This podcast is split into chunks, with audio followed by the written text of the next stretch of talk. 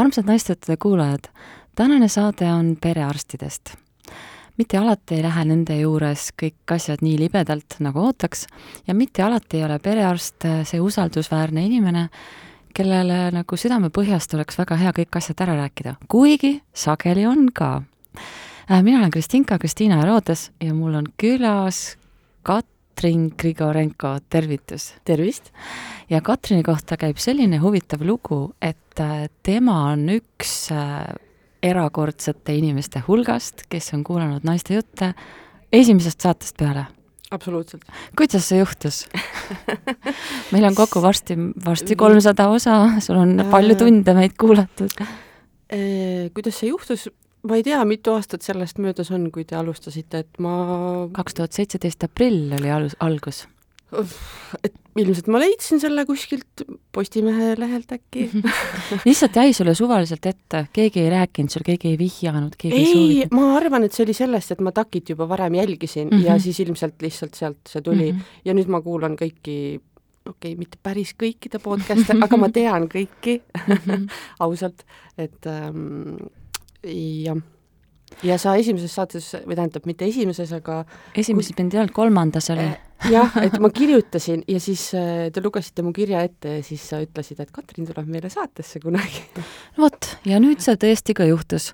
ja üldse nüüd uuel aastal me ava, avamegi ühe niisuguse uue rubriigi, seepärast et äh, et ausalt öeldes me ei tee seda saadet nagu kuidagi endale või ei tee ka kuskilt nagu lahus äh, oma inimestest, sest meil on selline naistejuttude kogukond, on nagu perekond, ja nüüd ongi meil selline formaat, või ma ei tea, mis me siis nii pidulikuks ajame, lihtsalt inimesed on inimesed ja alati võib meie juurde tulla. aga ehk ma kutsun siis üles, et kui kellelgi on mingi lugu elus, mida te tahaksite, et et, et me arutaksime, sest mis on võimalik minna natukene nagu isiklikumaks kui kiri. üks asi on, kui loeme kirja ette ja siis räägime sellest, aga teine variant on hoopis lahedam, on tegelikult tulla kohale. Ja siis äh, Katriniga tegelikult me rääkisime ka niimoodi, et alguses saatis meile kirja, on ju, ja siis ma ütlesin, et aga, aga tule siia. Ja, ja siis äh, siin ma olen. ja siis Katrin jah, ja nüüd ta maandus siia. Ja see, ja kusjuures ütle ise, ei ole üldse jube ju täitsa, täitsa okei okay, on ju tegelikult on ju chill, inimesed ikka räägivad, kuigi meil on nüüd laua peal muidugi veeklaasid ja stuudio natuke mm -hmm. on mhm. imelik, aga noh, muidugi põhimõtteliselt inimesed kohvikus saame oma asju rääkida. aga lähme teema juurde, et teema tuli sellest, et äh, perearsti äh, suhe on väga-väga oluline suhe, see on sama tähtis nagu pere loomine. Reaalselt, see on nagu väga kaalukas ja see idee on iseenesest ju väga ilus, et äh, üks doktor siis on tuttav kogu su perega, sinu vanemate lugudega, sinu lastega, et teil tekib nagu, te peakski nagu tekkima selline isiklikum ja soojem kontakt mm -hmm. ja, ja siis kõik sellised väikesed mured äh, lahendab siis ära sulle tuttav doktor, teades kogu sinu tausta, ehk siis see säästab põhimõtteliselt siis nagu meditsiinitöötaja aega ja, ja lisaks siis on nagu lapsed julgevad ka üht-teist öelda ja minu arust see formaat või see idee iseenesest on nagu väga ilus. ja võiks töötada nagu kulda. aga päris alati see nii ei ole ja aga räägi, Katrin, kas sinul on ka terve pere või kuidas sinul see perearsti suhe algas? jaa, mul on äh, nii ema kui ka poeg, mul on seitsmeteistaastane poeg, kõik oleme ühes äh, peres nii-öelda mm. -hmm. no vot sa oled must ees, mul on ainult viieteistaastane jah, nojah, pisut, aga sul on kolm, nii et mul jälle selles mõttes ma olen maas no pole midagi teed ühed kaksikud asju juhti järgi. aga, aga kuidas see protsess toimus, et kas lihtsalt siis vanemad siis valisid perearsti ja kuidagi jäi nagu see ajalugu, jah? see ajalugu on niimoodi, et ta on mul, mis meil praegu on, kaks tuhat kakskümmend kaks, et ta on mm -hmm. üks, ma just eile vaatasin, kas seitse aastat on juba kindlasti mm -hmm. mu perearst mina olen ilmselt kõige tihedamalt temaga suhelnud, et lapsega pole väga asja olnud sinna, ma olen selline et ja mul ei olegi ausalt öeldes olnudki väga mingisuguseid suuri probleeme ega etteheiteid talle varem. siiani? just. no vot, aga no pole midagi teha, kõik inimesed on inimesed ja üks asi, mida ma kogesin, on ka selline suhtumine, et vaata, arstide kohta on nagu kaks müüti, mõlemad on valed. üks on see mõõt, müüt, et ah, arstid ei tea midagi mm. -hmm. see on üks müüt, mis on vale, mis teeb arstidele liiga, aga teine müüt on see, et arstid on pühakud ja arstid teavad kõike. ja arst on arst, et arst ei eksi, see, mis arst ütleb, see on surakuld mm. -hmm. mõlemad on valed, tegelikult oleme kõik inimesed, kõik, mõni õpib küll väga palju aastaid koolis ja väga tubli ja ega see amet ei tule kergelt, on ju, aga noh, minul oli näiteks enda perearstiga äh, oli selline äh, vahva juhtum, et ähm, ta ütles ükskord mulle sellise lause, tegelikult mul on nagu väga toredad suhted temaga mm, -hmm. ütles, et nojah, et, et ega sind ju muidu ei näe, kui sul ainult jälle järgmine trauma on sest et mul on jah, selline kuidagi elu olnud, et ma haige ei ole eriti mm, -hmm. aga traumasid on ja siis, kui on väiksem trauma või siis juba arst teab ka seda ajalugu, siis ta äh, natukene ikka oskab sind putitada, aga mm -hmm. noh, midagi ei ole parata, et kui on ikkagi tõsi, hästi tõsine trauma ja kui sul on seal mingisugused meniskid katki, siis see on mm -hmm. see koht, kus perearsti juurest on hea seda teekonda alustada mm, -hmm. aga tema kahjuks ei ole, see ei ole nagu mm -hmm. tema töö, jah. just. et äh, mul oli pisut teistsugune see see probleem, millega ma pöördusin. -hmm. aga tead, hakkamegi sellest sinu loost peale äkki mm. -hmm. Okay. et siis sa jutusta see ära, vaata, sa kirjutasid mulle küll ka, aga aga jutustage ära, mis sul juhtus, siis me saame arutada ja mõelda mm, -hmm. et mhm. mis siis saaks sellega teha mm. -hmm. ma räägin siis äh, hästi lühidalt. ei räägi nii, nagu tuleb. okei ma räägin nii, nagu tuleb. noh, sest ma olen kaalud ja siis ma ei no, oskagi lü-. kaalutud ma, ei oska lühidalt rääkida. no vot, siin me nüüd oleme kaalud said teie kõrvad endale, nüüd need kuuluvad meile. pange valmis ennast pikemaks kuulamiseks et, et ühesõnaga asi sai tegelikult alguse sellest, et ähm, et äh, suri üks mulle väga kallis inimene, minu elukaaslase ema mm -hmm. ja ta elab äh, Portugalis. kuna see oli noh, oli väga suur šokk, on ju, väga ootamatu lahkumine, nii edasi, siis äh, ma ei tundnud, et ma su suudan minna tööle järgmine päev, ühesõnaga ma helistasin pereõele ja mulle anti töövõimetusleht ja kõik mm -hmm. oli mhm. okei okay,, vaimne tervis ja nii edasi. ja, ja ma läksin elukaaslasele toeks, nagu iga normaalne inimene, ma kujutan ette, ma tahaks loota, ja ma ei taibanud küsida perearstilt luba, tähendab, ma pidin minema vastuvõtule ja kui perearst kuulis, et mind ei olegi enam Eestis, siis ta ilma mitte ühegi küsimuseta lihtsalt lõpetas selle, selle lehe aga mis siis teda häiris, kas talle tundus, et inimene, kes on haiguslehel, ei tohiks mingil juhul ringi töllerdada, et see on nagu, see on nagu samamoodi nagu kuri klassijuhataja saab teada, et see laps, kes on eh, nii-öelda haiguslehel kodus, oleks justkui salaja peol käinud, tema silmis oli midagi sellist?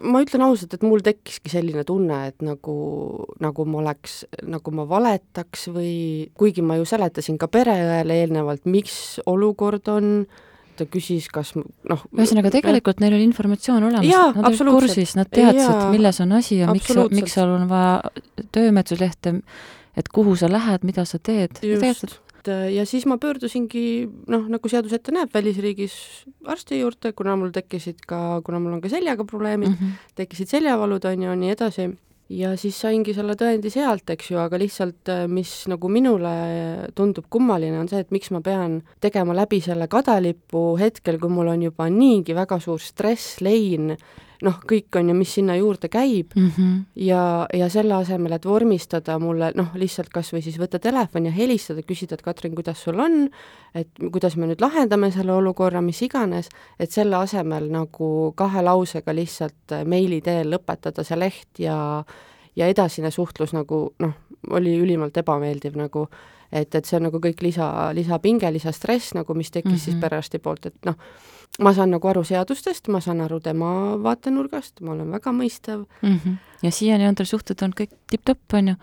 jaa, võib öelda küll. tema tegi omad eeldavad järeldused sellest infost, mis tal oli, panemata kokku täispilti ja arvas, et see on äh, nagu patsiendipoolne haiguslehe kuidagi ärakasutamine või mingite arstivolituste ärakasutamine või? jah, et ma ei teagi nagu ja ma ei tea siiani, mis tema peas täpselt toimus, äh, sest et minuga ta tegelikult ühendust ei võtnud ja noh, tõi mulle erinevaid vabandusi ja ettekäändeid, miks ta ei saa seda avada või jätkata seda lehte, eks ju mm. -hmm. et, et ma nagu noh, tõesti ei sõimanud, ei karjunud, ei nutnud, väga rahulikult lähenesin ja üritasin nagu leida as no, asjale lahendust. muidugi tahad ju tegelikult, tahad ju tulemuseni jõuda, mingisugune hea, hea lahenduseni. et kahjuks jah, et läks nii, nagu läks ja nüüd ma olen Eestis tagasi ja olen ka selle perearstiga kohtunud, mul ausalt öeldes ei, ei ole nagu sõnu, et, et, et ähm, ei läinud asi mitte paremaks? ei ühesõnaga, sa läksid, said kokku, seletasid talle olukorra ära ja tema reaktsioon oli siis milline?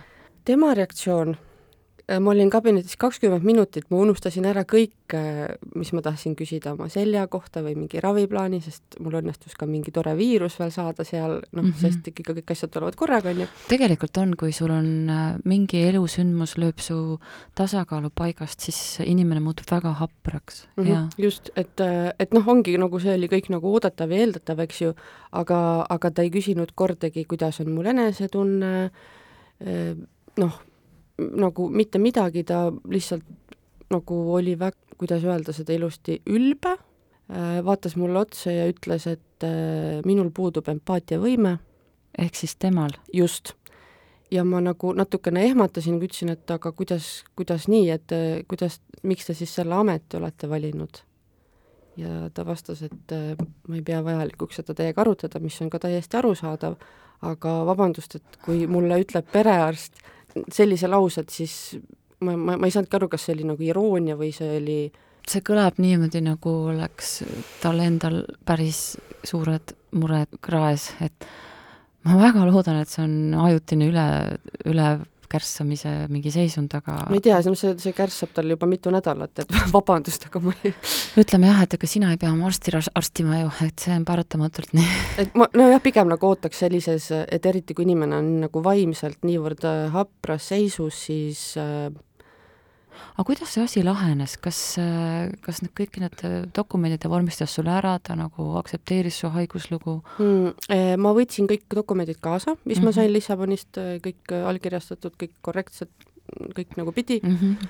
ta ei süvenenud, ta võttis, viskas need põhimõtteliselt mulle näkku, ütles, et äh, mina ei saa siit midagi aru, ma tahan notariaalselt tõlgitud dokumenti ja mille kohta siis? Noh, sest kuna see on, äh, ei ole inglise keeles see dokument, et see on portugali arsti poolt kirjutatud mm. -hmm. ja kuigi ma nagu ütlesin, et aga noh, ma võin ju tõlkida teile, et või võtame selle Google Translate äpi ja nagu noh mm -hmm., seal ei ole palju teksti, et seal on ainult lihtsalt, et ma olen pöördunud, mis mul oli ja nii edasi, eks ju. et tegelikult noh, kõik on olemas, et vormistada ka tagantjärgi see leht mm. -hmm. et nagu, aga ta keeldus nagu aitamast mind ja lihtsalt noh, lihtsalt siis ma lähen teist teed pidi, et siis annan tööandjale, tööandja saadab Haigekassasse, on ju. et niipidi saab ka, aga lihtsalt point on selles, et miks sa teed minu elu niivõrd keeruliseks. jah, et mis see motiiv on? jah, et see tõesti nagu, mina olen avastanud ühe sellise väga hämmastava seose elus, see on väga palju ninetuid ja, ja arusaamatuid olukordi tekib meie elus siis, kui me võtame inimestena sellise kohtumõistja positsiooni ja kui näiteks võtab selle kas lapsevanem, siis hakkab kohe toimima vägivald lapse suhtes, kui, või võtab üks suhtepartner, võtab mees naise suhtes või naine mehe suures, et mm -hmm. aga ma nüüd olen see kohtumõistja, sa mm -hmm. tegid valesti, ma nüüd karistan sind selle eest, et sa tegid valesti. ja mul kuidagi jääb mulje, et see on sama asi, mis on seal toimunud praegu, et tema tahab näidata sulle koha kätte, et sa ei käitunud nii, nagu tema oleks nagu näinud õige, õigena ja, või pidanud vajalikuks või ei pidanud, ei küsinud luba või midagi, et sa oled tema silmis eksinud ja nüüd ma karistan sind mm -hmm. selle eest, mis ei ole üldse tegelikult äh, päris dok-, doktori pädevus, kindlasti mitte. Ta, jaa, ma ütlen veel seda, mis mul tuli praegu sinu jutuga seoses meelde, et ta ütles mulle sellise lause, et noh, ta ütles, et aga teid ei olnud ju Eestis, et miks te siis sõitsite ära ja ma siis selgitasin talle veel kord, miks ma ära sõitsin ja ta, ma ütlesin, et vabandust, aga mul tõesti ei tulnud pähe, et ma pean teilt luba küsima, et minna mhm. inimese matustele mm. -hmm ja selle pealt ütles, et aga loomulikult te peate luba küsima, ma ütlesin vabandust, aga ma ei tulnud selle peale, et ei ole mu ema. ja ma kolmekümne kaheksa aastaselt ei pea isegi ema käest küsima seda luba. oota, aga mis siis see põhjendus oli, miks peab luba küsima? ta ei põhjendanud seda, ta lihtsalt, ta lihtsalt näeb seda niimoodi, et kuna te olite haiguslehel, siis te peate minuga konsulteerima et äh, mida, mida tohib haiguslehe ajal teha? just. Te ei, aga te ei ole ju ometi mingi vangla järelevalve all, et no, sa pead järelevalve ametlikuga kontsentreerima. ja tegelikult ma olen, tänu kogu sellele loole ma olen ka lugenud, et seaduses ei ole seda reguleeritud, et ma ei tohiks reisida, sest et äh, iga haigus ju ei tõmba mind pikali voodisse. see on üldse mm, väga selline terve mõistus on seal kõige parem selline nii-öelda suunanäitaja. et on, on ju terve hulk selliseid, no ma võtan näiteks, äh, ongi vaimse tervise probleemid, mingi depressioon, inimesed on isegi näidustatud, et ta sõidaks mm -hmm. kuhugi ja mhm. tooks oma mm -hmm. ellu emotsioone, mis vahetavad ta keskkonda, lõikavad ta lahti nendest kahjulikest toksilistest ahelatest, see on talle tegelikult isegi nagu, see on nagu ravim talle.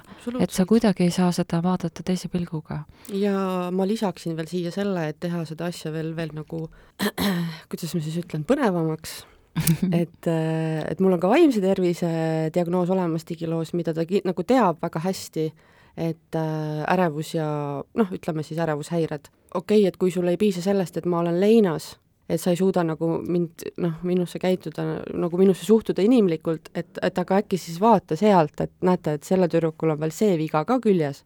aga selles äh, juhus, ega tema ju ei ole kindlasti sind konsulteerinud, ta lihtsalt teab, et digilas on tem-, seda ikkagi mm -hmm. teine terapeut, et perearst ju tegelikult no ei, no seda jaa, aga ei, lihtsalt ei ma tegele. mõtlen, et, et sa võiksid mm -hmm. ju seda tausta natukene nagu vaadata, et mis noh, jah. no mina mõtlen nagu niimoodi enda loogikaga, aga see võib-olla, noh, on liiga palju tahetud võib-olla ka arstilt, ma ei tea. mina arvan, et ei ole, mina arvan, et inimesed võiksid olla ilusad ja head, ei noh, tegelikult sa ei, sa oot-, sa ei oota talt, et ta oleks üliinimlik ja sa ei oota talt, sa võtaksid ära tema leina, sa ootaksid, et Just. ta oleks lihtsalt inimlik. ja, ja isegi selline noh, niisugune elementaarne nagu heasoovlikkus hästi mm. lihtsal moel, ega te, ükski inimene ei ole üliinimene, see on tegelikult okei okay. absoluutselt ma pean lihtsalt ütlema õigluse huvides ühe asja, kui meil on sellised väga rasked hetked elus, siis mõnikord tekib selline kiusatus panna vastutus enda emotsioonide, ka nende emotsioonide eest, mis ei ole teise inimese poolt põhjustatud, teise inimese Äh, õlule. ehk siis äh, see võib juhtuda, see tunne, ma olen ise seda väga palju tundnud mm., et kui näiteks äh, keegi ärritab mind ja siis mul on veel kõik muud tunded ka, nagu see kõik läbielamine ja see, kus ma parasjagu oma muudes protsessides olen, siis ma reageerin vastavalt sellele, kus ma olen, et võib-olla, võib-olla ta saab ka veits rohkem mm -hmm, enda mm -hmm. peale, seda võib juhtuda mm. -hmm. aga selle koha pealt muidugi doktor tegelikult jah, see oleks ääretult, ääretult armas, kui ta suudaks aru saada, et et sellel inimesel on praegu valus kohtleme teda hellemalt, aga ma saan aru, et ta vist käitus täpselt vastupidi sinuga. jah, võib öelda küll, et, et ma ausalt öeldes olin isegi pisut äh, šokeeritud, et ma mõtlesin, et ta on võib-olla maha rahunenud ja me saame rahulikult rääkida, nagu täiskasvanud inimesed, aga aga sealt tuli lihtsalt soovitus, et vaheta perearsti ja tema ütles sulle niimoodi, jah? mitu korda. ja kui ma läksin kabinetist välja, siis ta ütles, et ärge enam tagasi tulge siia vot see on ju konkreetselt nüüd niisugune juhtum, kus minu meelest see ongi kõige mõistlikum asi, mida teha. täitsa nagu ilma naljata. nojah, et äh, aga lihtsalt noh, nagu tekib küsimus, et, äh, et kui palju veel on, kui minu küsimus ongi, et kas see on normaalne käitumine ja no vot, seda, ütleme niimoodi, et meie siin koht-, äh, ma just rääkisin sellest, kui halb on kohtumõistja olla just, ja kui halvasti ma sellest arvan, mina kindlasti kohtumõistja rolli ei võta, aga teie kuulajad võite seda küll teha mm, -hmm. sellepärast et õiglustunne arenebki läbi selle, et sa tunned kaasa teiste mm -hmm. juht-, lugudele ja see on tegelikult väga hea koht, kuidas nagu tun-, tajuda ja mõelda, et aa, aga temaga juhtus nii, aga kas see on ikka okei okay? mm? -hmm. et mida mina tegin, Katrin, vahepeal, ma muidugi rääkisin oma tuttavatega, et põhimõtteliselt ütlen otsekoheselt, et koguda sulle toetajaid, jah, et sa ei tunneks ennast üksi, et sa ei tunneks, et sa oled no. kuidagi imelik, et sul on keeruline juhtum.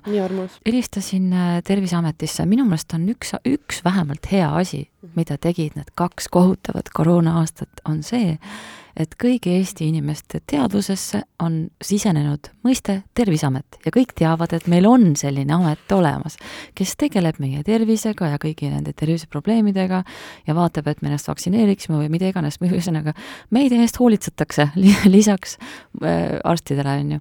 ja see ongi tegelikult siis, kuigi ma sain aru Terviseameti äh, pressispetsialisti käest infot küsides, et et perearstide valdkond läks küll Haigekassa alla, et mm haldavad neid nemad, siis äh, Terviseameti lehel on niisugune koht kohe, et kui sa lähed Terviseameti lehele, siis leiad sealt tervishoid, ma panen selle lingi loole alla ka, et ei peaks otsima, lähed tervishoid, klikid lahti kaebenõuete esitamine, et siin on kohe näha, mis tüüpi kaebed, äh, mis tüüpi kaebenõuded siis kelle mhm. alla käivad ja kuidas pöörduda ja kelle poole pöörduda ja siin on ka selline ankeet olemas ja siin on kohe niisugune asi, kui on rahulolematus raviasutuse töötajate suhtumisega mm, -hmm. tingimustega või patsiendi õiguste rikkumisega, siis äh, esimesel esimene vastus peaks olema muidugi su arst ise, kui tema ütleb, et vaata mm -hmm. perearsti, siis sa peaksidki pöörduma Terviseametisse. aga ma leian, et tasub alati teha, kui asi, ei ole mõtet istuda mure otsas, tasub ikka otsida mhm. lahendust mm. -hmm ma tahtsin seda öelda, et ma olen ka seda juba teinud.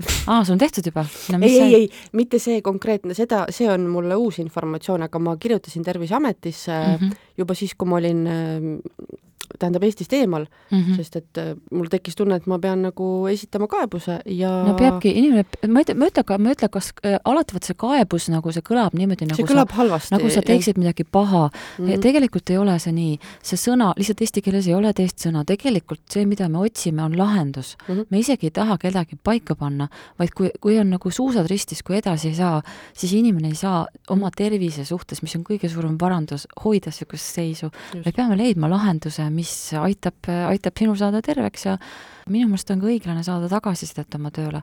ma saan aru, et arstid on imelised inimesed, kes teevad väga õilsat tööd, aga kui nad eksivad, siis on ka seda õige tegelikult öelda mm. -hmm. ühesõnaga, sealt ma sain ma nüüd päris sõna-sõnalt seda ei mäleta, aga no sisuliselt oli vastus sama, et äh, vahetage perearsti, et on nende soovitus lihtsalt et äh, aga noh, muidugi nüüd mul on nii palju veel äh, lisamaterjali kogunenud, aga noh, ma ei, ma ei, ma ei oskagi nagu öelda, et mis ma nüüd sellega teen, et kas on, kas on mõtet nagu üldse võidelda? noh, mõnes mõttes no siis sa ju lähed perearsti juurde, võtad sinna sealt kaasa kaks nägu oma, ma ei, ma ei usu, et sa jätad oma poja siis sama arsti juurde, keda sa ise ei usalda jah, et see ongi nagu, kuigi ma leian, et oleks ju lihtsam asjad selgeks rääkida ja võib-olla ikkagi nagu ma ei tea siis, et ma olen äh, saatnud ka arstile meili mm, -hmm. kus ma küsisin, et kas te mõtlesite tõsiselt seda, mis te ütlesite mulle, kui ma lahkusin kabinetist, et kas ma võin ikka tagasi tulla, kui mul on tulevikus tarvis ja ma vabandasin, ma täpselt ei tea, mille eest, aga ma lihtsalt ütlesin, et kui ma teid kuidagi nagu riivasin või tegin haiget teile, siis ma tõesti vabandan, mul on väga raske hetk. praegu vastust ei ole ei, tulnud? ei ole tulnud. no loodame parimat ma ei saa mm, -hmm. vaata, seal on ka üks asi, mis nüüd, mis mulle tegelikult meeldib maailmas, on see, et hoolimata sellest, kui keeruline konflikt ja kui, kui rasked on need haiget tegemised või need sõnad või need äh, ebaõiged käitumised või kuidagi need äh, teravad äh, reaktsioonid inimeste vahel, meil on ju kõikidel ju püsisuhted ja me kogu aeg nende probleemidega saame mm. hakkama ja, ja ega tegelikult ei näita ju ühegi kontakti kvaliteeti see, et meil on konflikt, kuigi mõne käitumise peale loomulikult väga palju inimesi üldse kunagi ei läheks nad ei teeks selliseid asju. kui me räägime näiteks vaimsest vägivallast, siis väga mm -hmm. suur osa inimesi iialgi seda ei kasuta. ja kui inimene seda kasutab, siis tekib suur küsimus, kas seda on mõtet lahendada, seda probleemi, või tõesti oleks mõtet see inimene isoleerida oma lähikonnast mm. -hmm. aga juhul, kui ikkagi on lihtsalt eriarvamus, on kahepoolne konflikt, et mõlemad pooled seal valevad natukene õli tulle ja mhm. lisavad mõne teravama, kõrvedama lause, siis reaalselt peaks olema võimalik see asi läbi rääkida rahulikult, loomulikult on mingi har-, harjumise ja jahtumise aeg, ja siis ikkagi minna viisakalt edasi. mina ikkagi usun, et enamus juhtudel see on ikkagi tehtav, aga mm -hmm. seda peab ikkagi hindama nagu täitsa niimoodi, et mis asi see oli, on ju. ma, ma selles mõttes tegelikult küsiks sult äh, sinu käest äh, nagu siiralt, et mida sina teeksid minu asemel, kui sa oleksid samas olukorras? mida ma teeksin, ma teeksin kõhutunde pealt, sa tajud ära selle, ma tean, mida eestlased teevad üldiselt, üldiselt enamus mitte midagi? Nad ei, me ei tee mitte midagi. probleemid on nii rasked, et me vaikime nad maha mm, -hmm eitame neid ja kui me isegi, kui me räägime oma lähedastega, väga sageli, kui me räägime isegi oma kallimaga, oma emaga, siis meil on selline ohvri süüdistamise kultus, tavaliselt alati hakatakse, ju sa ikka ise tegid mm -hmm. pahasti ja väga kergesti pannakse nagu see inimene, kes on saanud haiget, pannakse ta veel vastutama kogu olukorra mhm. eest mm. -hmm. see on üks põhjus, üks miljonitest põhjusest muidugi, aga üks minu silmis üks oluline põhjus, miks meil Eestis on nii palju vaimse tervise probleeme. sest me murrame seda, kes on juba saanud haiget ja kui mõnikord inimene, ega inimene ei ole teab, teab, mis elastne ja tugev, kui tema psüühika, mis on juba kahjustada saanud mm, -hmm. paned sinna veel pauk, paar pauku juurde lähedase poolt, kes peaks sind toetama ja. ja siis sa tunned, mul ei olegi toetust ja siis lagunebki inimene koost. et see on tegelikult meie suhtumises üks õudselt hull asi. et esimene asi, mida me peaksime tegema igaühele, kes oma murega tuleb, on võtma hoiaku, et äh, tema arvamus on tema arvamus, on ju, ja sellel on, sellel on ka koht. me ei pea mingeid hinnanguid sellele andma. me ei pea ütlema, kes on nii või naa või mm -hmm. ei ole vaja pooli valida ega süüdlast otsida, enamus me kipub ikka jooksma tugevama poolele. ja kui me räägime arsti ja patsiendi suhtest, siis seal ei ole no, mingit äh, võrdsust, seal on, üks on boss, jah täpselt ja... ja kui ma tohin veel lisada, ta ütles mulle niimoodi, et, et mulle tundub, et te, et teie käitumine on halb ja te elate oma viha nagu minu peal välja. Ja, ja ma ütlesin, et aga see noh, et see ei ole isiklik, et ärge võtke seda isiklikult, et ma ütlesin, et mul on lihtsalt natuke kõrini sellest, et noh, mitte siis ainult arstid, ütleme ka ülemus või kes iganes, on ju, kes on kõrgemal positsioonil, et tema on siin ja mina olen siis siin all, eks ju mm, -hmm. ja ma pean olema madalam kui muru ja siis ma pean nagu kõrvad lonti laskma, et ma kannatan kõik ära, mis sa mulle ütled mm. -hmm. et see kehtib nagu noh, tööl, koolis, kodus, ükskõik, on ju, mis situatsioonis mm. -hmm. ma ütlesin seda talle, see ei, see ei käinud nagu tema pihta, aga siin on ju see, et tema nagu kasutab enda võimu ja nagu noh, mõnes mõttes käib, aga vaata, jälle ja. see on jälle, Kristinkal jookseb see õiglustunne igalt poolt läbi, et see on jälle see, et mina jälle ütlen sulle jumala siiralt, et kui sa paned inimesele sellele, selles olukorras tema vastutuse hulka ka kõrvalised vastutused, siis mm -hmm. ta lähebki lukku ja ta lähebki mm -hmm. kaitsesse mm -hmm. ja ta mhm. ütlebki, et ei, see pole minu asi mm, -hmm. sest sellel määral ei ole mm. -hmm. isegi kui see üks osa on, kui sa paned sinna juurde muud asjad, siis ta, siis ta ütleb, et midagi ei ole, siis ta mm -hmm. eitab seda täielikult. selle koha pealt on nagu alati sellistest keerulistes situatsioonides on nagu hästi hoida nagu seda fookust seal, kus see probleem reaalselt on, kõik kõrvalised paralleelid no, lükata noh, ootele ma, ma selles mõttes ma ilmselgelt vihjasin talle, ma ütlesin, et arstid, et, et ei noh, et jah, jah, sa tegid võib-olla ta, ta sai ta... aru nagu kindlasti, mis ma mõtlesin, võib-olla tahtsid teha pehmemaks, aga tegid raskemaks talle. Aga tead, läheme natuke teemaga laiemale ka, sest et siis ei ole Katrin nii üksi, ma rääkisin veel paari inimesega, perearstidega suhetest ja ikkagi äh, ütlen veel vahele ka, et kindlasti on lõviosa nendest inimestest väga tänuväärsed tööd ja on ääretult pühendunud, suurepärased inimesed. ühe loo äh, jagas minuga minu hea kolleeg, uuriv ajakirjanik Krister Kivi. see on niisugune olen aastaid patsient perearsti keskuse Sinu arst nimistus. Mingi hetk läksin nad üle niisugusele süsteemile, kus tervisemure korral tuli ennast logida sisse mingisuguses veebirakenduses ja hakata seal endale ise sümptome valima ripp-menüüst. kujutage ette, nüüd üks vanem proua teeb, läheb, avab selle menüü ja võtab ripp-menüüst, et ajukasvaja, kujutage ette, jah, nad ei näegi võib-olla, me teame üldse, kui, kui madal on eh, inimeste, tegelikult meie tiigrihüpperiigi veebi kasutamise mm -hmm. oskuste tase kõrgemalt kui viiskümmend pluss, on ju, seal on väga-väga kõvad puudujäägid, siis läks mööda hea tükk aega ja paari päeva pärast pereõde, keda ma mitte kunagi ei näinud, teatas mulle arsti otsusest, ehk siis Krister oli see tubli mees, kes valis rippmenüüst omale sümptomite põhjal haiguse ära. soovin niisugust haigust. ja pereõde teatas talle arsti otsusest, kusjuures arst polnud patsienti samuti kordagi näinud. eriti ajas mul harja punaseks see, et nad saatsid ka ülbe teavituse, et terviseteemadel saadetud emailidele me enam ei vasta ehk siis minu perearstikeskusega oli võimalik suhelda ainult läbi selle kohutava veebikeskkonna, ükskord, kui vererõhu tõttu juba silme eest virvendas ja mul oli väga ravimit vaja, siis ma sisuliselt ei näinudki seda peenikest kirja ja rippmenüüd. samas arendas seesama perearst väga luksuslikku kesklinna kliinikut oma tasulistele patsientidele, kuna teadupärast perearstiteenus on tasuta, eks ju mm. -hmm.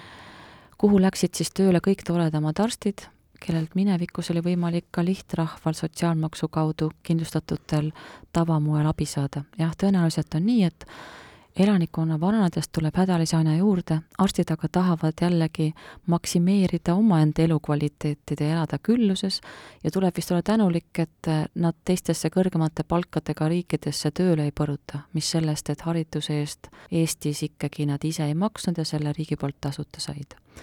aga jubedalt ajas see vihale, see sinu arsti kogemus, kus teenus keeratakse sisuliselt täiesti miinimumi peale patsient ei saa praktiliselt mitte mingit teenust, ainult seda, mida ta ise endale osutab, aga pearaha nimistute pealt kogu aeg tiksub. võib-olla sai helistada ka sinu arsti äh, perearstikeskusesse, aga kahjuks on see liin pidevalt kinni. vot niisugune lugu siis Kristarilt. Neid lugusid on veel mõtle vaid selle koha pealt, sa oled vist lausa õnneseen, et sa ei pea rippmenüüst ise ütlema, et et mul on stress, mul on depressioon, mul on lein, mõtle, kui niisugune menüü oleks. hinda on... kümnepallist skaalal oma äh, äh, suitsidaalne, väga suitsidaalne, olen juba surnud, mõtle, niisugune rippmenüü oleks jah, tahaks midagi, okei okay,, ma jätan selle ütlemata, aga vabandust, mina palun vabandust sellise koleda nalja pärast, see tegelikult, must huumor, ma panin üle piiri. andke andeks, palun. anname andeks, aga ma tahtsin seda öelda, et tegelikult jah, ma ei ole isegi niisugusest variandist kuulnud, et see on ka muidugi huvitav lahendus, aga minu perearst äh, väga tihti vajab väga palju suunamist. et mina nagu vahest talle kirjutan, et näitab, mul oli a la minevikus probleemid kilpnäärmega ja nüüd mul on sellised, sellised sümptomid, et võib-olla teeks sellised analüüsid ja siis tema ütleb rõõmsalt, et hea küll, tulge, teeme siis analüüsid. et ta nagu ise väga palju noh, mõtlema ei pea nagu no vot, jälle üks hea asi, sul on perearst, kes teeb analüüsid. päris palju on ka neid lugusid, kus äh, on inimesed, andsid mulle tagasisidet, et perearst teeb mida iganes, aga analüüse ta teha ei mm -hmm. taha, sest analüüsid maksavad ja seal on vist mingisugune limiteeritud kulueelarve mm, -hmm. siis ta hoiab seda kas ta, kas varuks või siis võib-olla tõsisemate patsientide jaoks, aga mm -hmm. aga samal ajal keegi, kes on nagu diagnoosimata vaikselt seal kustub ära, et äh, see on jälle üks hea omadus ka. siis on veel selline müstiline asi nagu teraapiafond perearsti, mis äh, on ka nagu väga valitud inimestele, mina ei ole sinna veel ligi saanud.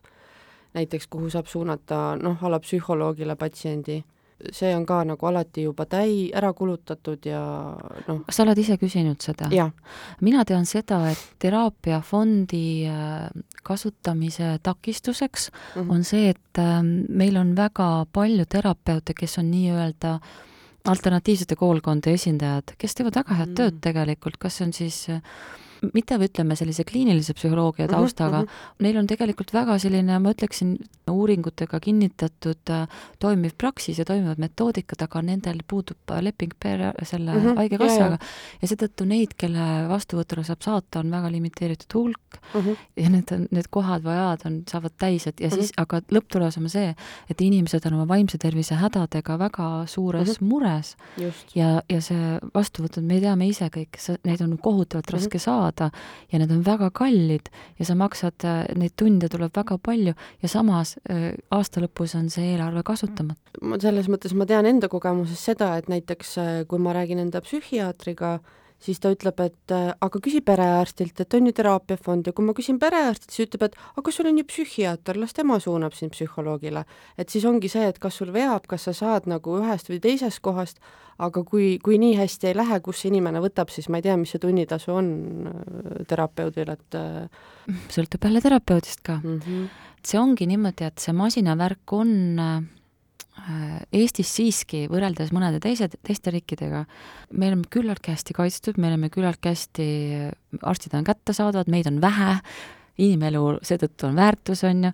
mina olen mitu korda olnud see üks nendest õnneseentest, kes saab kuidagi, mul on mingi sattunud mingisugune kirglik arst, noh, traumade puhul on tegemist olnud äh, ikkagi kas miks traumatoloogi või sellise spordiarstiga minu mm, -hmm. minu kogemuses, aga no näiteks doktor Männik oli siis see, kes ühendas kõik need uuringud ja kõik asjad, et ta sõna otseses mõttes võttis mul natist kinni ja vedas mind läbi selle kadalipu, et ma saaksin käima, et ma saaksin oma operatsiooni ära, ma olen elu lõpuni tänulik ja ma olen kindel, et sarna-, sarnaseid analoogseid arste on tegelikult ka perearstide seas, kes näevad, et tal on üks patsient, kes vajab rohkem abi ja kes, kes otsib neid võimalusi mhm. talle ja saadab teda uuringutele niimoodi, aga noh, fakt on ka see, et ega nimistus on ju kaks tuhat kuni kaks tuhat nelisada nägu ja, ja kui on see gripihooaeg, ega siis nad võivadki olla väga see võib tõsiselt raske olla. absoluutselt, olen nõus. üks lugu veel. ainukene positiivne asi minu perearsti juures on tema suhteliselt hea kättesaadavus, mis on muidugi pluss aga kõik muu on allapoole igasugust arvestust kui ma palun temalt analüüse, siis hakkab tema rääkima, et tal pole selleks raha. on olnud ka olukordi, kus ma helistan talle oma murega ja siis ta küsib, et mida ma teile siis kirjutan. ehk et enne arsti poole pöördumist pean mina olema piisavalt tark, et endale ise diagnoosi pannud ja ka võimaliku ravimi välja otsinud rippmenüüst. rippmenüü kõige kohutavam omadus minu arsti puhul on aga tema pidev hirmutamine. Ükskõik, mis haigust teil ka eriarstid parasjagu ei kahtlusta, tema toob alati välja kõige mustama stsenaariumi. ta ütleb patsiendile, et teda ei saa keegi enam aidata. ta võtab ära viimasegi lootuse, kuigi see ei pruugi sugugi tõele vastata. lisaks kõigele õõnestab tema perearstis eriarstide poolt määratud ravi ja isegi soodustab nende kirjutatud ravimeid mitte võtta, soovitab mm. ise ta kirjutab ravimid välja mulle täiesti suvaliselt ilma mingi kindla raviskeemita. kui üks ravim ei mõju, siis kirjutab kohe järgmise, seejärel järgmise, siis jälle järgmise, ilma et lisanduks mitte mingisuguseid analüüse või sümptomite analüüsimist, ilma et isegi tunneks huvi, kuidas ravi on mõjunud või ei ole. empaatiavõime annab soovida ja kuulamisoskus puudub kahjuks täiesti. nagu katkine grammofon, kogu aeg tuleb sama jutt. epikriisidesse lahmib igasugu suvalisi diagnoose, mis pole eriarstide poolt ei kinnitatud ega ka vastuvõtul jutuks tulnud. kui tean, et mind ootab taas kokkuvõtt, kokkupuude selle arstiga, siis mul juba eelnevalt stressitase tõuseb. ma küsin nüüd, Katrin, sinult kohe, et kas su enesetunne paraneb natuke? tahaks öelda sellele, kes on selle kirja autor, et mul on väga kahju ja ma mõtlesin küll praegu, et mul on vist isegi hästi läinud eesmärk ei ole siin teha perearste mara-, murust, marust, ma ei saa, tead, mul lähevad sõnad sassi. me ei taha neid teha maha, me teha, me tahame lihtsalt öelda, et äh, igas ametis äh, on erinev määr vastutust, arsti roll on väga vastutusrikas. ja sinna juurde kuulub ka see, et sa oled inimesele see tugi ja lootus.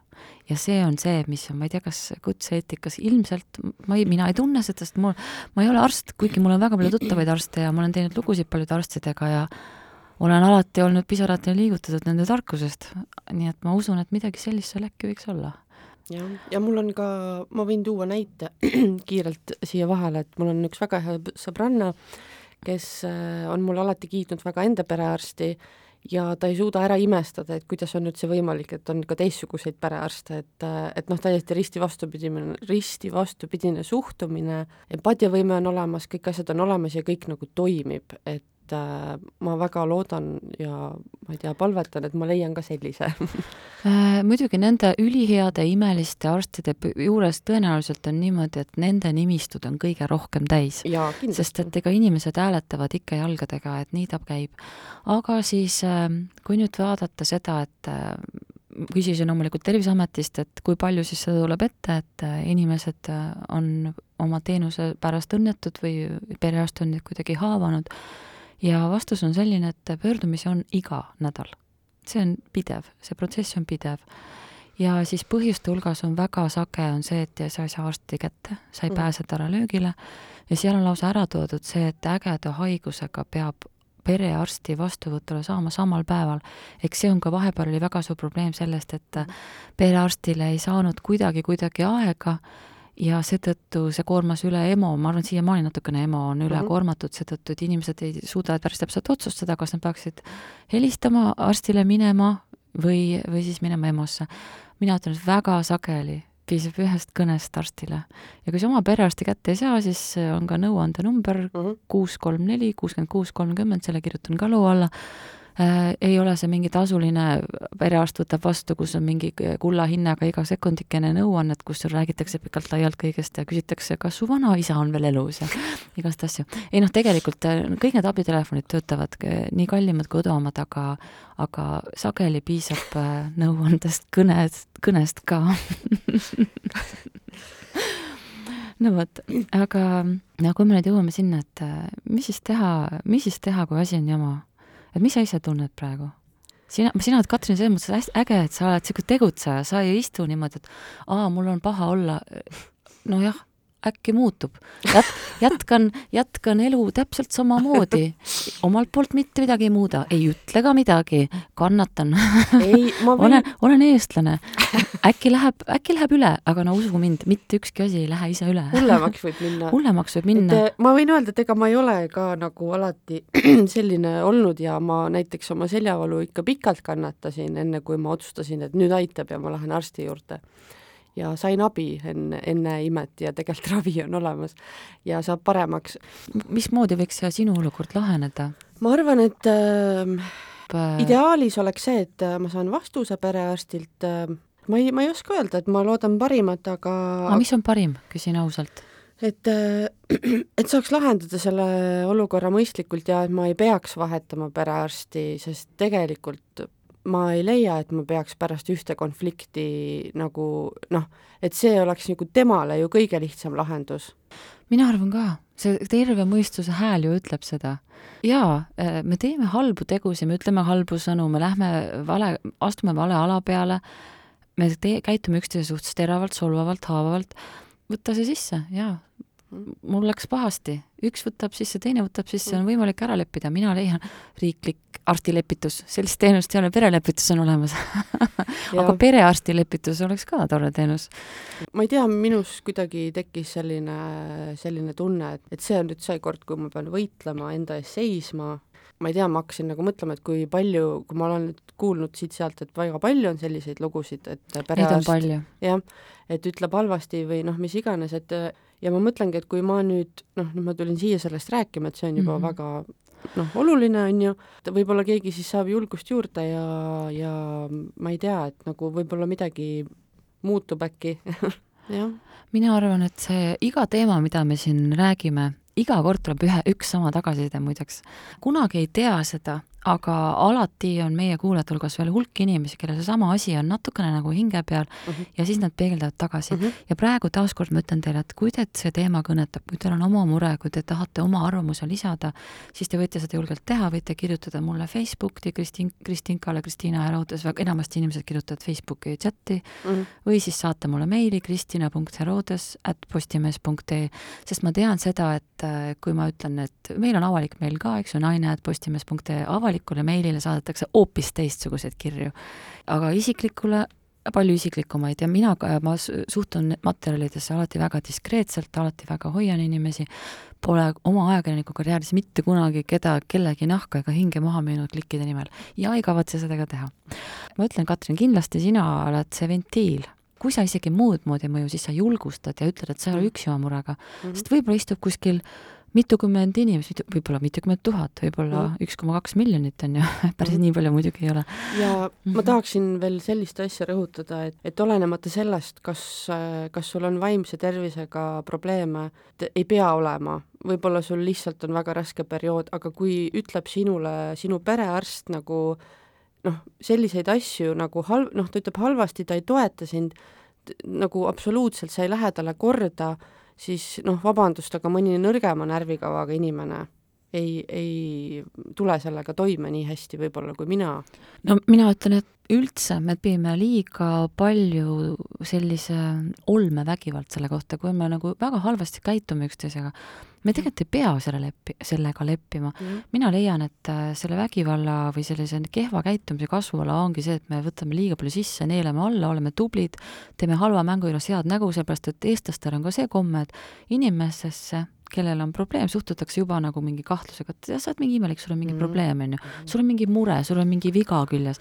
eestlased on sellised, tema tahab sellist tervet tõuhobust, seal nagu sängis-hambad, ühtegi probleemi ei ole, lapsi tuleb nagu kahurist ja iialgi ei kurda, vot see on see ideaalne Eesti naine, on ju ikka tuleb see põl-, põllupoolne traktori.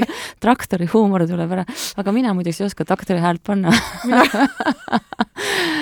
Nii nagu Taki legendaarselt pani, pean Takilt küsima, kuidas see käib aga ühesõnaga, ideaalne oleks siis see, et äh, inim-, ikkagi leia, tuleb selle ärritunud, ületöötanud, äh, haiget saanud äh, hinge seest, tuleb see hea arst tagasi, kellega sul on pikaajaline koostöö, kellel on, kellega te olete teinud palju asju ja, ja kõik laheneb. aga variant kaks, juhul kui sa siiski ei leia lahendust siis on üks lahendus ikkagi äh, vahetada perearsti, sest perearst on vabatahtlik.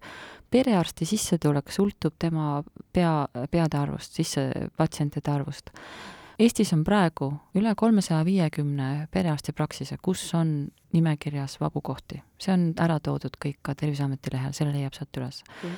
üle Eesti igal pool need on, mõned piirkonnad on halvemini kaetud ja on väga kaugele minna, siis on muidugi on olukord teine mm. -hmm. aga reeglina maapiirkondade perearstide kohta räägitakse ulmehäid lugusid just sageli, et tavaliselt need on need maasool või ma olen nagu kuulnud tohutult võrratuid legende.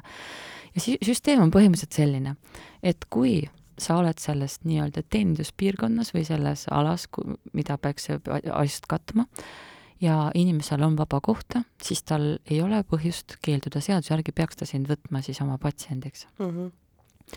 eriti siis, kui on sul pereliige või mingi sugulane või mingi selline noh, mm. perekond on perekond, on ju. kui arst keeldub, siis ta peab põhjendama, miks ta keeldub. ikkagi tuleb juurde ka noori arste, mõni läheb, annab praksise üle, mõni jagab kaheks, et selliseid asju, et on neid vabu kohti, ikkagi tekib, sest et inimesed ka kolivad, liiguvad, sünnivad, surevad, seda kõike toimub. muidugi kaldub kes eestlane ikka arvama, et seal, kus on saba, seal on parem pirukas, on ju et see võib, võib-olla kehtib natukene ka, aga ma arvan, et paljuski nagu määrab ka see piirkonna eripära, et kui on mm -hmm. väiksem koht, seal võib olla vähem nä nägusid ja seal võib-olla ongi ka neid vabu kohti, sõltub jälle, kas see perearst seal on, väikestes kohtades vahetevahel ei pruugi ka olla ja siis tegelikult võibki, vaatad ja teed kaastööd ja, ja vahetad perearsti. mina ise olen muide ükskord äh, selle läbi teinud. tollel ajal ma elasin Lasnamäel ja mul oli täiesti venekeelne äh, perearst mm.. mul ei olnud isegi ta vastu midagi, sest ega ma ei käinud arsti juures, aga ma just mõtlesin täiesti nagu pragmaatiliselt, mul, mul ei olnud lapsi ega mul ei olnud tegelikult mingit nagu konkreetset motiivi ei olnud, aga ma ei tea, kas ma planeerisin oma elu ükski kord targalt. ühesõnaga, plaanisin siis abielluda ja lapsi saada ja abiellusin küll, lapsi tolle mehega ei saanud, aga perearsti ikkagi vahetasin ära, nii palju tarkust mul oli. ja tegin selle protseduuri läbi ja tegelikult ei olnud see üldse raske, sa lihtsalt täidad seal mingisuguse ankeedi, sa ei pea kuidagi põhjendama seda. aga, miks, aga oma... miks sa vahetasid? ma ei tea, minu arust ei olnud isegi vaja öelda, miks et oh. tulen selle perearsti nimistust mm, -hmm. soovin teise perearsti nimistusse mm. -hmm. ma ei tea, minu arust seal nagu puudub selline, vaata, eestlane kardab sellist kohta, et sa pead nagu teise kohta mingit mm -hmm. komprat või mingit äh, soppa loopima, ma ei taha ju seda teha, sest tegelikult on ju pikk ilus ajalugu ka, eriti kui su perekond seal käib. ja kindlasti on ju palju kordi, kus ta on arstinud kellegi ära ja teinud midagi hästi. ehk siis äh, minu meelest seal ei ole vaja niisugust asja teha. mõnikord me lihtsalt kolime teise kohta mm -hmm. ja ütleme tegelikult äh, plaan C siis, kui on igal pool suusad risti ja kuidagi ei saa, siis kuidas sa võid pääseda oma perearstist? plaan A, abiellud, saad oma abikaasa perearsti juurde ennast su-, smugeldada, sest et pereliiki tuleb vastu võtta no,. plaan ongi... B, kolid. jaa, mul ongi tegelikult selline variant, et, et ilmselt tuleb ette kolimine, et mitte nüüd arsti pärast ma ei koli abiellumine ja kolimine arsti pärast, see on kuidagi omaette tase. Et, et ei, et, et nii, nii hull see asi ei ole, et kolimine oli juba varem plaanis, et, et ma arvan, et see lähebki nii, et ma kannatan veel pisut ja katsun mitte haigeks jääda ja siis, ja siis jah, kolimisega no vot, see on ka üks hea võimalik lahendus, aga siis tuleb paar niisugust toredat kirja ka.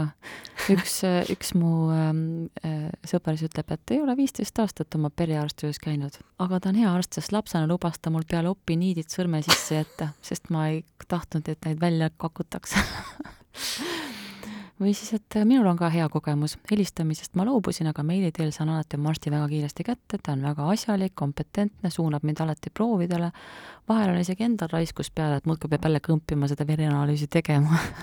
Aga kui arst ütleb, et peab, noh, ju siis ikka peab ja pärast on hea meel ka, et sai käidud ja sai konkreetsed vastused, ei pea udus sumama selle kõige teemaga ma tegelesin tegelikult väga lühikest aega, aga arvestades seda, kui, kui aktiivne oli tagasiside, sain ma aru mitmest asjast. üks on see, eestlased on saanud aru nüüd selle kolme pöörase aasta käigus, me oleme saanud aru ühest asjast, mis on meie väärtushinnangutes esikohal.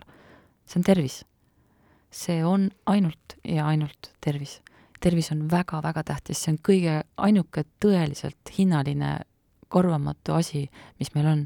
sest minu meelest varem, enne seda koroonat, enne seda sõda, enne seda, kui maailm hulluks läks, siis väga sageli need, kes olid terved, oma tervise peale üldse ei mõelnud. aga siis, kui sa oled haige, siis on juba hilja mõtlema hakata. teine on ikkagi see, et meie see süsteem, perearstisüsteem ideaalis on ikkagi üks hea süsteem, et perega suhelda mm.. aga kolmas on see, et kui on mure, siis tuleb rääkida.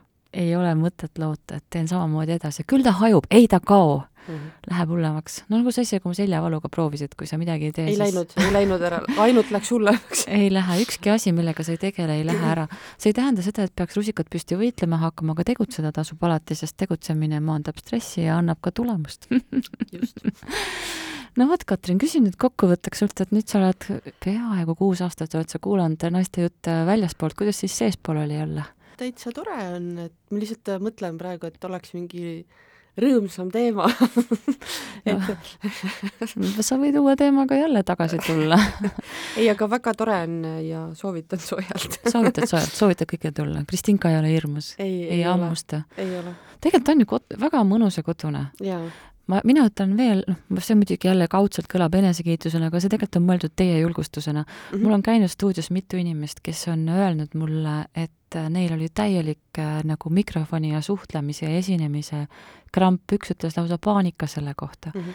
ja, ja siis ta ütles, et ta käis siin ära siin saates ja ütles, et siin oli nii kodune ja nii mõnus, et ta mitte ainult ei saanud hea saate, minul oli muidugi väga üllatav seda kuulda, sest seda ei olnud üldse aru saada. -hmm. et ta sai ka oma krambist üle meie eesmärk on ükskõik mis vahenditega teha teie elu paremaks ja tervis ka paremaks just. Aga suur tänu sulle, Katrin Grigorenko, kes oli meie tänane külaline. meie, meie kallis kuulaja algusest peale, loodan, et sa jääd meiega. absoluutselt, kindlasti. imearmas. ja mina olen ikka Kristinka Kristiina Roodes ja rääkisime perearstidest ja kindlasti üheksakümmend üheksa koma üheksa protsenti neist on võrratud, mis ei tähenda, et probleeme ei tuleks julgelt lahendada. olge teie ka julged ja alati võtke midagi ette, kui olukord ei sobi teile. just. aitäh kuulamast, tšau! aitäh, tšau! Postimees Naine. naised teavad, mis kütab kirgi. avasta ise naine.postimees.ee